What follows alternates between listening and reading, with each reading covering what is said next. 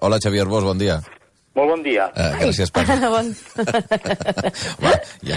Bon Doncs dia, Sònia, bon dia, Carles, Home. bon dia, Milà. Uh, els, els desitjos són ordres. Bon O sigui, si tu dius Xavier Bosch, uh, Xavier Bosch al telèfon. um, no, uh, no sé, no sé què, què és el que... Ara de seguida li pregunto també a la Mila, eh, que, que s'ha quedat sense opinar sobre aquesta qüestió, però um, el, el Xavier Bosch, que com sabeu és catedràtic de Dret Constitucional de la Universitat de Barcelona, avui feia un article, eh, a, a mi em sembla molt contundent, uh, Xavier, sobre sobre la, el decret de convocatòria, especialment des d'un punt de vista legal, eh, que, es va, que es va publicar ahir el DOC i el BOE.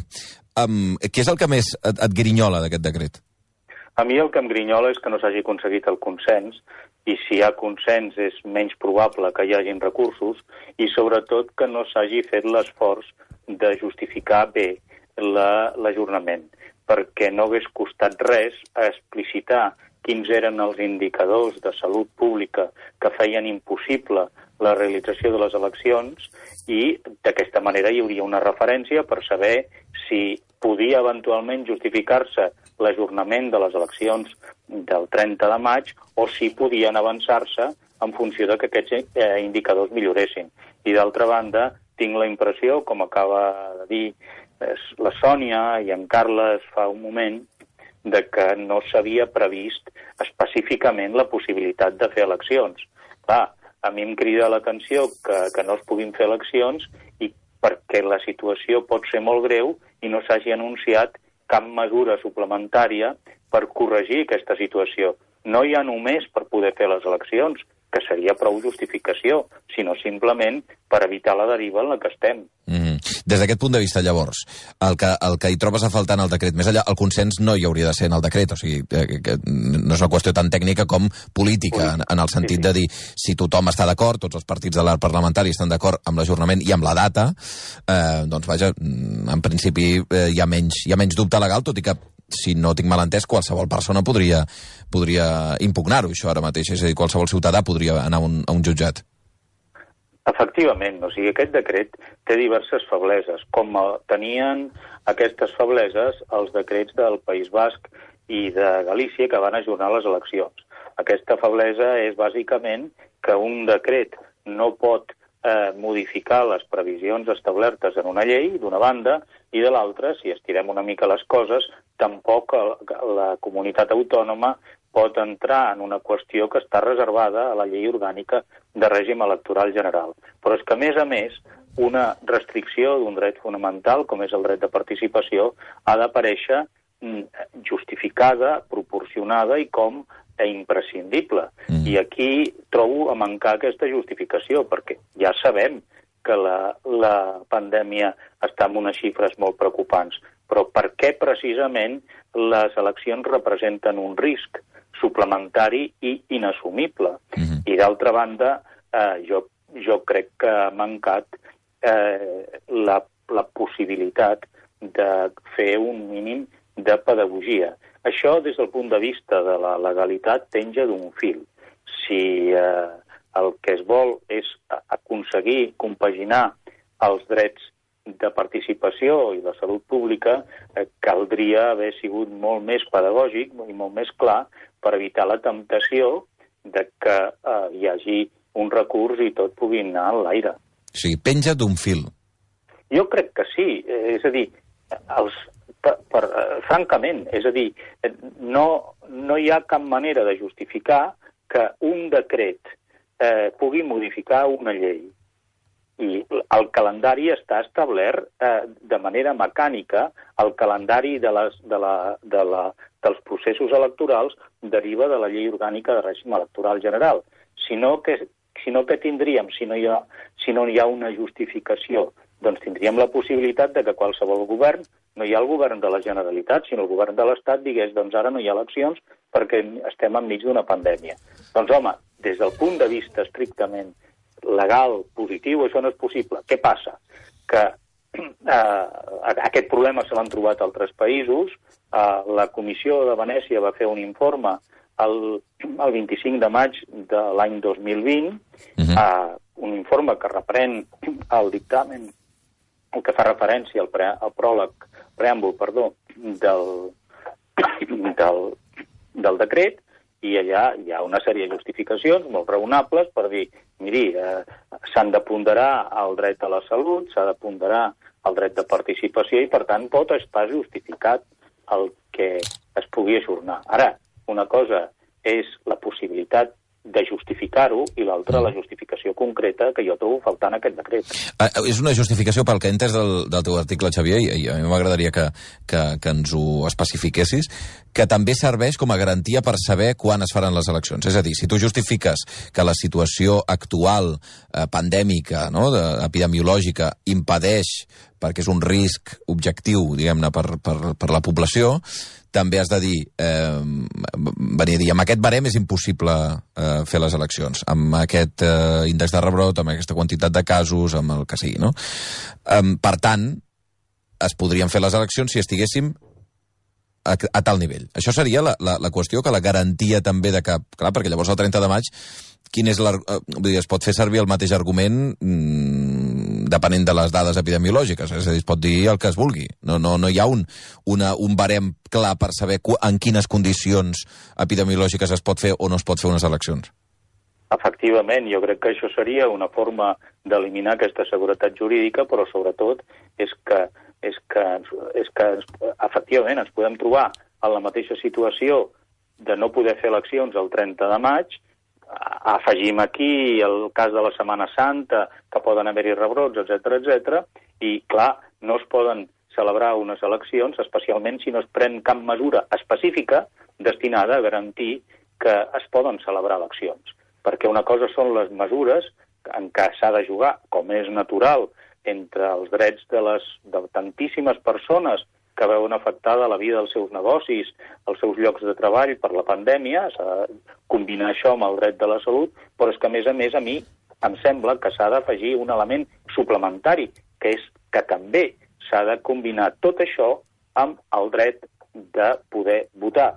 I llavors, eh, si no es pren cap mesura específicament pensada per garantir aquest dret a votar, serà inevitable que, que qualsevol rebrot arribi a justificar l'endarreriment de les eleccions. És a dir, eh, ens ve una onada i no prenem cap mesura per evitar-ne les conseqüències en relació a les eleccions. Mm. Um, ahir venia Bernat Soler en aquest programa, el conseller d'Afers Exteriors, eh, el conseller d'Exteriors de, la, de la Generalitat de Catalunya i és el responsable del RAM, diguem-ne, de la participació política, en aquest cas, o de les, de les convocatòries electorals, i, i venia a dir que la intenció és buscar una fórmula perquè els avals que han presentat els partits es mantinguin, diguem-ne, però reobrir la possibilitat de que d'altres partits tornin a buscar avals per poder-se presentar. Uh, uh, més enllà del de, uh, fet que, que, clar, quan tires endavant tres mesos i mig les eleccions, has de tornar a calibrar el cens, perquè hi haurà gent que ja no hi és i que hagués pogut votar i que ara ja no hi és, i que aquell vot ha de desaparèixer, i altra gent que, que no podia votar perquè no havia fet els 18 anys, però ara ja, ja els té, no? Eh, aquestes qüestions s'han de, de reactualitzar totes, o no? Jo crec que s'hi ha de pensar, em sembla que el conseller va dir en aquest programa que ho consultarien a la Junta Electoral, a sí. em sembla que és el toca, que toca, però a mi el que em sembla que també hauran d'haver-hi moltes explicacions. Per què? Doncs perquè, si, eh, perquè tot el que sigui mm, ampliar la participació està molt bé, especialment en l'oficina del cens electoral. Però, és clar, obrir de nou la porta a presentació de noves candidatures, d'una banda, eh, té un inconvenient, i és que aquells que havien construït les seves estratègies pensant en que havien de concórrer les eleccions amb un nombre determinat d'adversaris, ara es poden trobar en què hi ha nous adversaris. I algú dirà, bé, però quin problema hi ha? Doncs sí, hi ha un problema perquè com, com el, el decret no s'acredita quines són les mesures que específicament s'havien pres per, eh, per eh, in, eh, intentar fer possible la realització de les eleccions, algú mal pensat pot pensar, doncs mira, d'aquesta manera eh, guanyem uns mesos més per poder guanyar. Algú mal, mal pensat pot, pot arribar a aquesta conclusió. I, i, I tot això no ajuda a generar el mínim de confiança que els ciutadans hem de tenir en les institucions. I, sobretot, el criteri hauria de ser perjudicar el menys possible les, les actuacions que ja s'hagin fet. Eh, I si, per exemple, d'això resulta que totes les gestions que s'han fet per facilitar el vot per correu, que és el més delicat en les, en les circumstàncies en les que veiem, doncs, home, quina trista gràcia que els que ja han fet els deures els hagin de repetir eh, i que li ho demani un, uh, un govern que no ha acreditat quines són les mesures específicament adoptades per fer possible la realització de les eleccions. Mm. Um, què passa si algú porta aquest cas, suposo que és el Tribunal Superior de Justícia que ho ha de portar, uh, podria un tribunal com el Superior de Justícia dir eh, senyors, aquest eh, document que han presentat vostès, el DOC, mm, l'invalido i les eleccions s'han de fer el 14 de febrer. Això és possible? Això és possible, perquè no, no, no en relació a aquest, a, quals, a aquest cas, sinó qualsevol decret pot ser eh, susceptible d'impugnació davant el Tribunal Superior de Justícia de la Comunitat Autònoma, si és un decret autonòmic. Uh, uh, en aquest cas, a més, es dona la circumstància, en aquest cas i en tots, que un decret el pot impugnar qualsevol organització o persona individual que acrediti un dret o un interès legítim. Qui té dret? Doncs el dret el té qualsevol persona inscrit al cens electoral amb dret de vot. Per tant, ja tenim aquí uns quants milions potencials. Per descomptat també ho tenen els partits i organitzacions polítiques que es van presentar a les eleccions amb l'expectativa de concórrer en la data del 14 de febrer.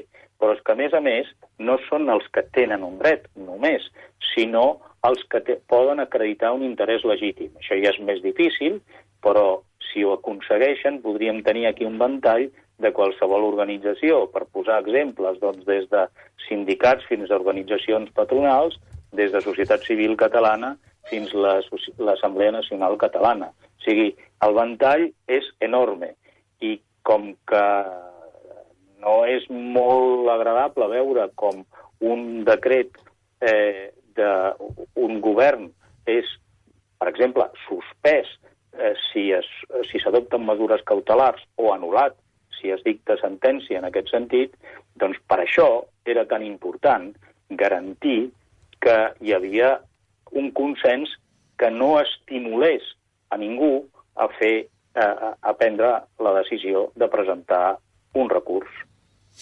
Doncs déu nhi eh, Ens acostem a dos quarts de, de 10 del matí. No sé si el, la Mila o el Carles o la Sònia li, li volen traslladar algun dubte al Xavier Bosch. Si no, ho deixarem aquí i, i seguirem amb la, amb la tertúlia.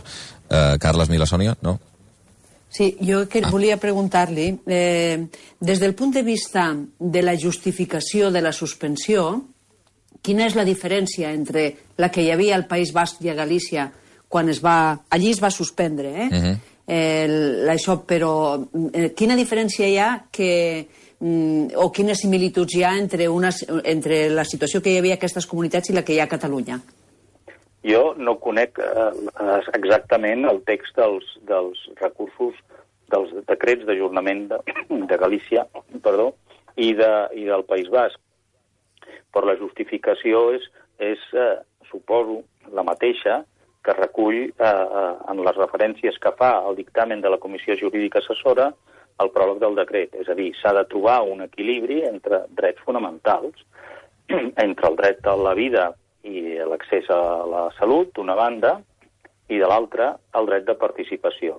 I en aquestes tesitures eh, és com que els poders públics tenen l'obligació de preservar tots drets, tots dos drets, o tots tres drets, es tracta de trobar un equilibri que eh, signifiqui la mínima lesió per al dret més perjudicat per tal de protegir l'altre. Però això s'ha de justificar, i s'ha de justificar en uns termes en els que quedi clar que el sacrifici del dret de participació és la mesura indispensable, que no hi havia cap altra alternativa eh, possible i que és una mesura adient, que és una mesura apropiada per arribar a aquesta finalitat. Clar, potser els decrets del País Basc i Galícia no ho justificaven o no invocaven aquesta doctrina, que és una doctrina que em sembla plausible, però eh, encara que no ho fessin, van aconseguir un ampli consens, un consens total que va significar l'acceptació de tots els actors polítics implicats. I, per tant, eh, a partir d'aquí, suposo que les ganes de recórrer, simplement per un escrúpol jurídic, perquè quedin les coses clares eh, sobre si és correcte o no correcte, aquestes ganes van quedar aparcades perquè tothom assumia les prioritats. Mm. Passa un minut a dos quarts de deu del, del matí. Eh, catedràtic Xavier Bosch, catedràtic de Dret Constitucional de la, de la UB, moltíssimes gràcies. Gràcies a vosaltres.